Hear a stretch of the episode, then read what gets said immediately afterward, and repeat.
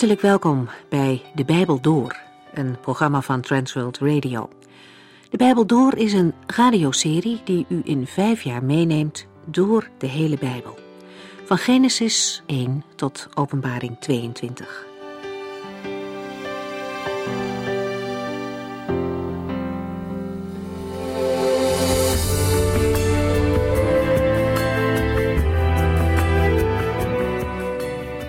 Mocht u vragen hebben, dan kunt u ons bellen tijdens kantooruren. Het nummer is 0342 478432. En natuurlijk vindt u ook veel informatie over het wereldwijde werk van Transworld Radio op onze website. Kijkt u dan op transworldradio.nl. Vandaag lezen we verder in de eerste brief die de apostel Johannes heeft geschreven.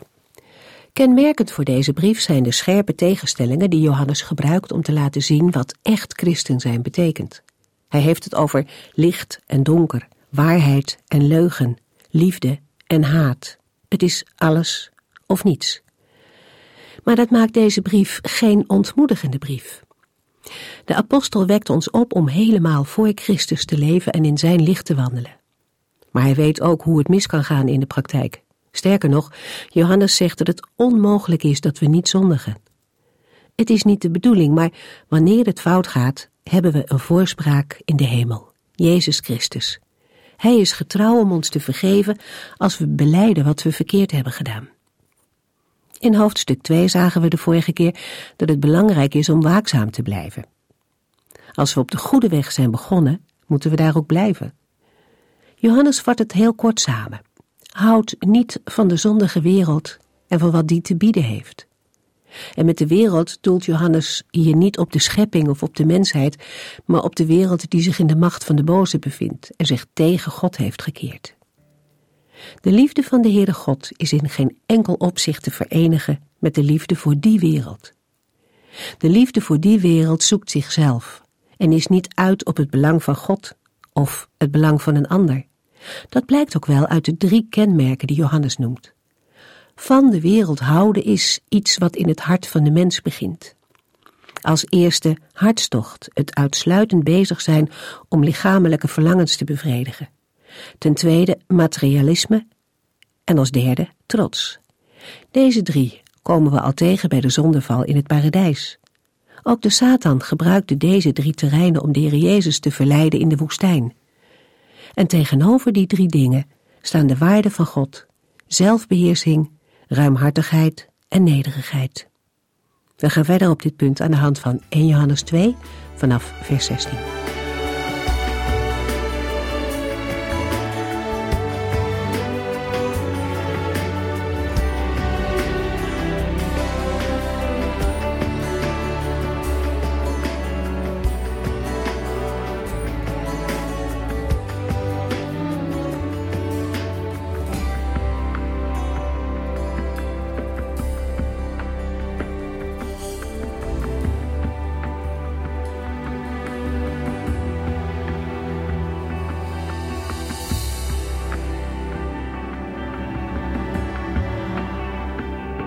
De vorige uitzending hebben we stilgestaan bij wat Johannes schrijft over dingen die de wereld beheersen.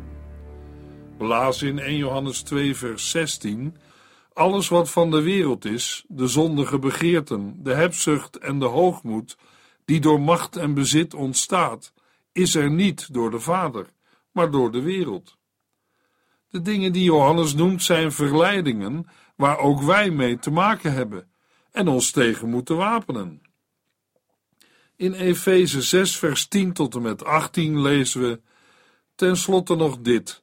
Word sterk door één met de Here te zijn en zijn grote kracht in u te laten werken. Bewapen u met alle wapens die God ons geeft. Dan zal de duivel met zijn slinkse streken u geen kwaad kunnen doen. Want wij vechten niet tegen mensen, maar tegen onzichtbare wezens, de duivelse heersers en machten die deze donkere wereld tiranniseren, boosaardige geesten in de onzichtbare wereld om ons heen. Bewapen u dus met al Gods wapens om u te kunnen verdedigen als de vijand aanvalt. Dan zult u na grote dingen te hebben gedaan, ongeslagen uit de strijd tevoorschijn komen. Maak u klaar. Doe de gordel van de waarheid om en gesp het borstpanzer van de rechtvaardigheid aan. Trek de schoenen aan van de bereidheid om het goede nieuws van de vrede met God bekend te maken. In elk gevecht zult u het geloof nodig hebben, als een schild waarmee u alle brandende pijlen van de duivel kunt doven. U zult niet zonder de helm van de redding kunnen of zonder het zwaard van de geest, het woord van God. Bid voortdurend en laat u daarbij leiden door de Heilige Geest. Verslap daarin niet, maar houd vol en bid onafgebroken voor de andere christenen. De dingen die Johannes noemt zijn de verleidingen die Satan gebruikte bij Eva, Agan en bij de verzoeking van de Heer Jezus in de woestijn. Ook andere Bijbelse personen melden steeds weer van geestelijke strijd en aanvechtingen. Ook vandaag hebben gelovigen te worstelen met zondige begeerten, hebzucht en hoogmoed. In de omschrijvingen van wat de wereld beheerst, schuilen ontzaglijke problemen en spanningen voor een gelovige, met name op het gebied van het uitgaansleven en het culturele leven. Johannes roept met de woorden uit vers 16 niet op tot een wegvluchten uit de wereld, maar vooral tot waakzaamheid. Een schijnbaar onschuldig compromis kan grote gevolgen hebben. In 1 Petrus 4, vers 1 tot en met 5 schrijft de apostel Petrus: Omdat Christus voor ons geleden heeft en gestorven is, moeten wij ons wapenen met dezelfde innerlijke overtuiging als Hij. Want wie in dit bestaan geleden heeft, houdt op met zondigen. Zo iemand laat zich gedurende de rest van zijn leven niet meer leiden door de slechte verlangens van de zonde, maar zal de wil van God doen. Er is genoeg tijd verknoeid met wat de ongelovigen fijn vinden: losbandigheid en verkeerde begeerten, drinkfestijnen, eetgelagen en onzedelijke feesten voor afgoden. Uw vroegere vrienden zullen het natuurlijk raar vinden als u niet meer meedoet met hun uitspattingen. Zij zullen u uitmaken voor alles wat lelijk is. Maar zij zullen zich moeten verantwoorden voor de grote rechter die over de levenden en de doden oordeelt. Petrus zegt dat een gelovige zich moet wapenen met dezelfde innerlijke overtuiging als de Heer Jezus Christus. Want wie in dit bestaan geleden heeft, houdt op met zondigen. Zo iemand laat zich gedurende de rest van zijn leven niet meer leiden door de slechte verlangens van de zonde, maar zal de wil van God doen. Denken we nog even terug aan de geschiedenis van de zondeval, dan ontdekken we hoe zondige begeerten een mens kunnen overvallen. Laten we daarom waakzaam zijn en letten op wat we zien, horen en voelen. Bij dingen die lekker zijn, of dingen die we graag lusten, of bij mensen en spullen die er mooi uitzien, willen wij mensen gestelde grenzen nogal eens overschrijden.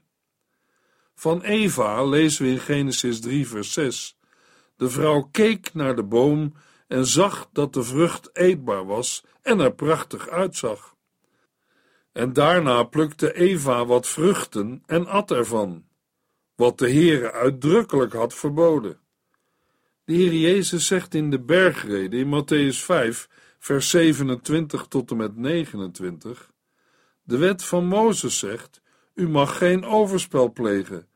Maar ik zeg: Wie met begeerige ogen naar een vrouw kijkt, heeft in zijn hart al overspel met haar gepleegd. Als uw oog u tot verkeerde dingen brengt, ruk het dan uit en gooi het weg. Want het is beter één lichaamsdeel kwijt te raken dan dat uw hele lichaam in de hel wordt gegooid. Met de gelezen woorden van de Heer Jezus gaat de heiland in op de ernst van zondige gedachten.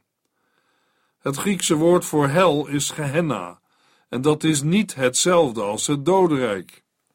Het dodenrijk, in het Nieuwe Testament aangeduid met het Griekse woord Hades, is de strafplaats waar de overleden mensen die Christus niet kenden worden bewaard tot de dag van het oordeel. De hel of Gehenna is de poel van vuur waartoe alle ongelovigen veroordeeld worden bij het laatste oordeel. Wat de Heer Jezus hier zegt met de woorden: Als uw oog u tot verkeerde dingen brengt, ruk het dan uit en gooi het weg, is vanzelfsprekend niet bedoeld om letterlijk in praktijk gebracht te worden. De heiland wil met een drastisch voorbeeld aantonen dat verzoekingen en zondige gedachten meteen radicaal aangepakt moeten worden, zodat deze niet in daden kunnen worden omgezet. Als dat namelijk wel gebeurt, is het een bewijs van een bewuste keuze voor de zonde en tegen God, waarop bij volharding Gods veroordeling zal volgen. De apostel Paulus schrijft in 1 Corinthiërs 9, vers 26 en 27: Daarom loop ik niet zomaar wat in het wilde weg, en ik sta ook niet in de lucht te boksen. Nee, ik hart mijn lichaam en dwing het te doen wat ik wil. Anders zou het wel eens kunnen gebeuren dat ik, na anderen voor de wedstrijd te hebben opgeroepen, zelf wordt gedisqualificeerd. 1 Johannes 2, vers 17. Aan de wereld en haar zondige begeerten komt een einde, maar wie doet wat God wil, zal eeuwig blijven leven. De zinloosheid van het wereldse bestaan wordt benadrukt door de vergankelijkheid van een wereldse manier van leven. David schrijft over de wereldse manier van leven van zijn vijanden in Psalm 5, vers 10 tot en met 13, waar we lezen: Mijn tegenstanders zullen elke kans aangrijpen om mij in een kwaad daglicht te stellen. Wat uit hun mond komt, stinkt naar zonde en dood. Zij gebruiken hun tong voor leugen en bedrog. Hun lippen spuwen dodelijk vergif. O God, spreek het schuldig over hen uit. Vang hen met hun eigen valstrikken. Verdrijf hen om de overvloed van hun overtredingen, want zij komen in opstand tegen u. Maar ieder die zijn vertrouwen op u stelt, zal zich verheugen. Zij zullen tot in eeuwigheid van vreugde juichen, omdat u hen beschermt. Dan zal ieder die u lief heeft overlopen van blijdschap, want u, Heere, zegent uw volgelingen. U beschermt hen met uw schild van liefde. In 2 Korintiërs 4 vers 18 schrijft Paulus, dus kijken wij niet naar wat zich voor onze ogen afspeelt, maar wij kijken uit naar wat wij nu nog niet zien. Alle zichtbare dingen zijn tijdelijk, maar de dingen die nu nog niet zichtbaar zijn, zullen eeuwig blijven. Voor de woorden komt een einde staat in het Grieks een woord dat afgeleid is van het werkwoord voorbijgaan of verdwijnen. Het geeft aan dat deze wereld al bezig is voorbij te gaan, om plaats te maken voor de nieuwe wereld van God, die in Jezus Christus al is aangebroken. We lezen in 1 Corinthiërs 7, vers 31. Als u gebruik maakt van wat de wereld biedt, moet u er niet in opgaan, want de wereld zoals wij die nu kennen, zal niet lang meer bestaan. Voor alle duidelijkheid, dat geldt ook voor de wereld van vandaag. Alles wat zij aanbiedt gaat voorbij. Maar ook vandaag blijft de keus van de gelovigen steeds weer van de zondige wereld houden of de wil van God doen. Wie kiest voor het laatste zal eeuwig blijven leven. In Johannes 3, vers 36 schrijft Johannes: Wie zich aan de zoon toevertrouwt, heeft eeuwig leven. Wie de zoon ongehoorzaam is, zal dat leven niet ontvangen. Integendeel, de straf van God blijft op hem rusten. En in Johannes 6, vers 40: Mijn vader wil dat ieder die inziet wie zijn zoon is en op hem vertrouwt, eeuwig leven heeft en ik zal hen op de laatste dag uit de dood opwekken. Johannes schrijft: Maar wie doet wat God wil, zal eeuwig blijven leven. Dat wil zeggen, die in Christus blijft en in het licht wandelt, heeft nu al deel aan het eeuwige leven. De Heer Jezus zegt in Matthäus 7, vers 21: Niet alle mensen die heren tegen mij zeggen, komen in het hemelse koninkrijk. Want daar komt u alleen als u doet wat mijn hemelse Vader wil. In hetzelfde hoofdstuk lezen we de woorden van Jezus in Matthäus 7, vers 24 tot en met 27. Wie naar mij luistert en doet wat ik zeg, is verstandig. Hij lijkt op een man die zijn huis op een rots bouwt. Het kan regenen, er kan een overstroming komen en het kan stormen. Maar het huis blijft staan, want het heeft een goede fundering. Maar wie hoort wat ik zeg en zich er niets van aantrekt, is dom. Hij lijkt op een man die zijn huis op zand bouwt. Als dat huis te lijden krijgt van regen, overstroming en storm, stort het met veel lawaai in. Een gelovige en volgeling van de Heer Jezus moet luisteren naar wat de Heere zegt. Maar het kan niet bij luisteren alleen blijven. Daarom zegt de heiland er direct bij: Wie naar mij luistert en doet wat ik zeg, is verstandig. In Marcus 3, vers 35 zegt Jezus: Ieder die doet wat God wil, is mijn broer, mijn zuster, mijn moeder. En Jacobus voegt eraan toe in Jacobus 1, vers 22: Maar naar dat nieuws moet u niet alleen luisteren, u moet er ook naar handelen. Luisteraar, laten we ons inzetten en werken aan dingen die blijvend zijn, dingen die vastigheid geven en voor eeuwig blijven bestaan. 1 Johannes 2, vers 18. Vrienden, de wereld loopt op haar einde. U hebt gehoord dat de antichrist zal komen. Maar ik wil u erop wijzen dat er al heel wat vijanden van Christus rondlopen. Daaruit blijkt duidelijk dat het laatste uur voor de wereld geslagen heeft. In vers 18 begint Johannes met een nieuw thema. De gemeenteleden worden gewaarschuwd. Voor de woorden de wereld loopt op haar einde lezen we in de Griekse tekst het is de laatste uren. Op andere plaatsen in de Bijbel lezen we over het einde van de tijd. Of zoals we in 1 Petrus 1 vers 20 lezen, deze laatste tijd.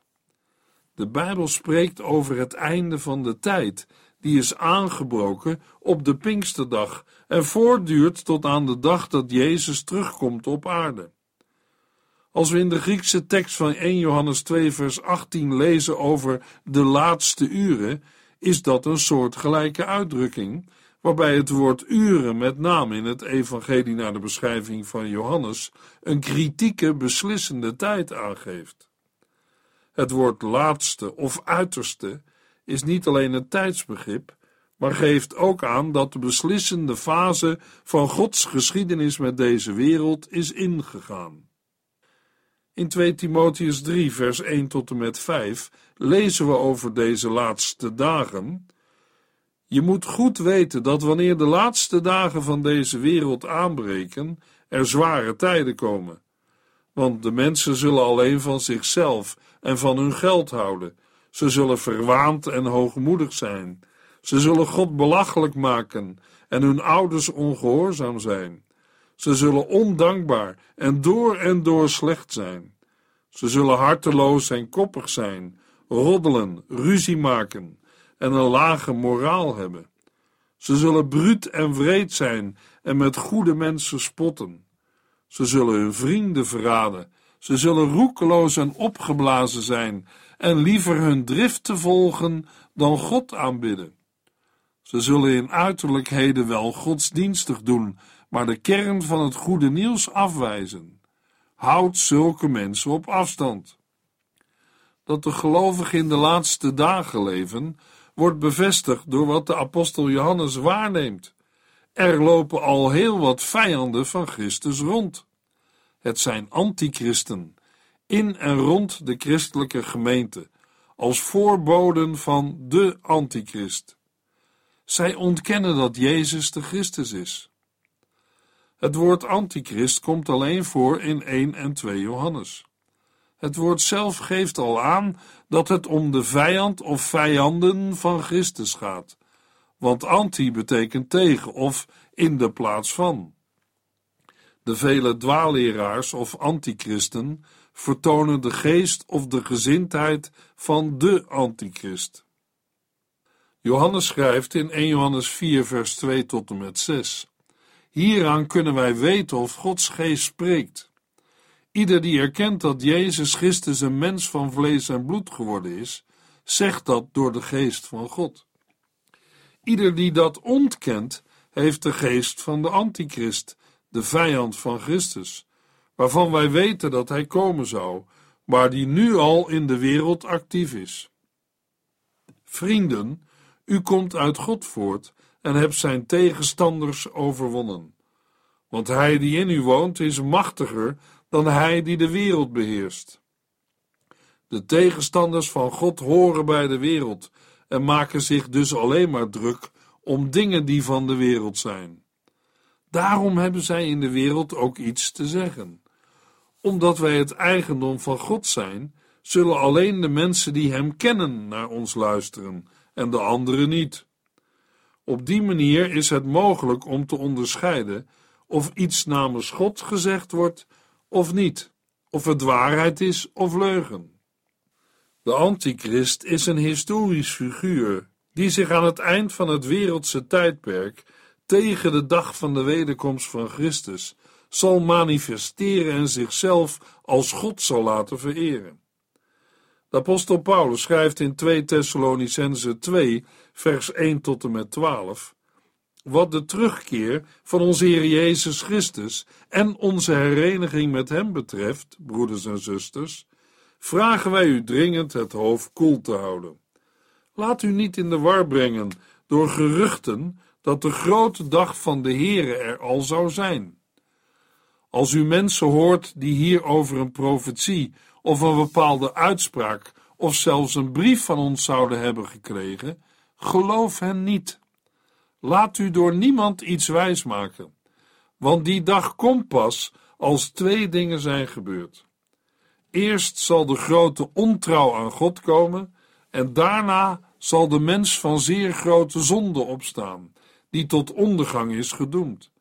Hij zal God uitdagen en alles omverwerpen wat de mensen vereren. Hij zal zelfs in de tempel van God gaan zitten en beweren dat hij God is.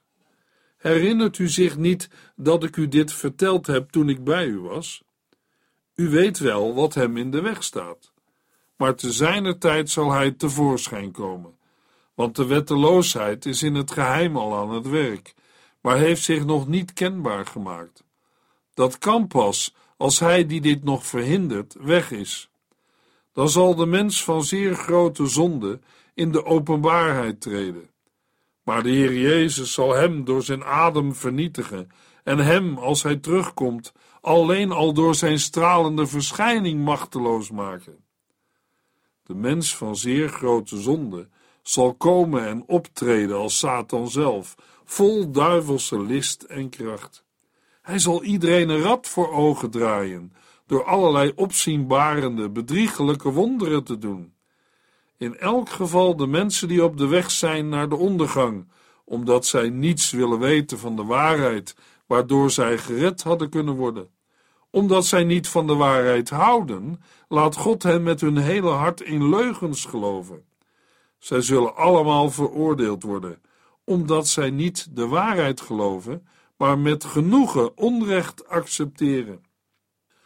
Johannes schrijft in 1 Johannes 2, vers 18 en 19: Vrienden, de wereld loopt op haar einde. U hebt gehoord dat de antichrist zal komen.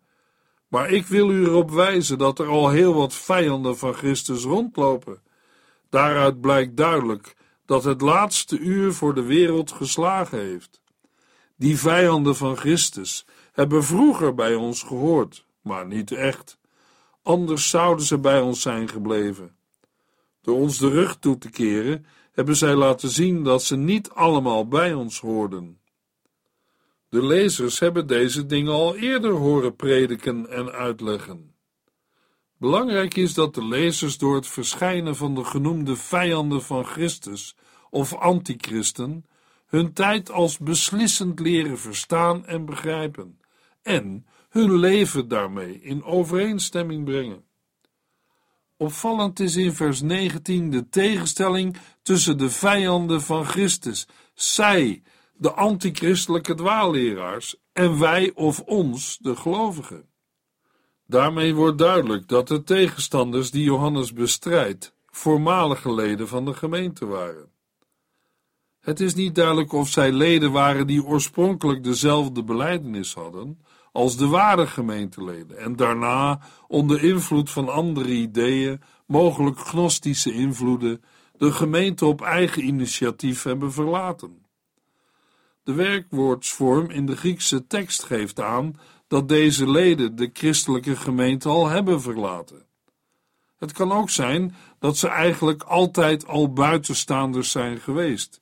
Dat wil zeggen mensen die geen band met Christus hadden en daardoor ook niet met de volgelingen van Christus, de andere gemeenteleden.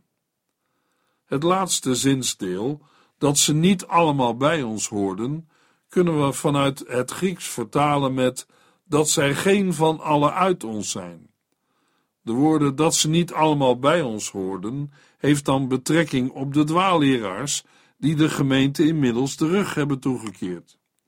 Maar we kunnen vanuit het Grieks ook vertalen dat niet allen zijn als ons. Allen heeft dan betrekking op alle gelovigen. Johannes maakt in dat geval onderscheid tussen de gemeente in haar uiterlijke zichtbare gestalte en de gemeente die, voor wat betreft haar omvang, alleen bij de Here bekend is. Dit laatste lezen we in 2 Timotheus 2 vers 19, waar Paulus schrijft: Maar de waarheid van God staat zo vast als een huis, daar is geen beweging in te krijgen. Op de eerste steen staan deze woorden: De Heere kent de mensen die echt bij hem horen, en wie zichzelf een christen noemt, zou niets verkeerds moeten doen en niets verkeerd moeten zeggen. In 1 Johannes 3, vers 10 schrijft Johannes: Wie verkeerde dingen doet en ook niet van zijn broeder houdt, hoort niet bij het gezin van God. Johannes ziet achter het vertrek van genoemde dwaalleraars uit de christelijke gemeente een goddelijk doel, namelijk wat verborgen was, komt nu aan de dag. Daarmee wordt duidelijk wie de ware gemeenteleden zijn. Wordt de gemeente gezuiverd en kunnen de dwaalleraars de andere gemeenteleden niet langer op een dwaalspoor leiden. Maar daarover meer in de volgende uitzending. Over 1 Johannes 2, vers 19 tot en met 22.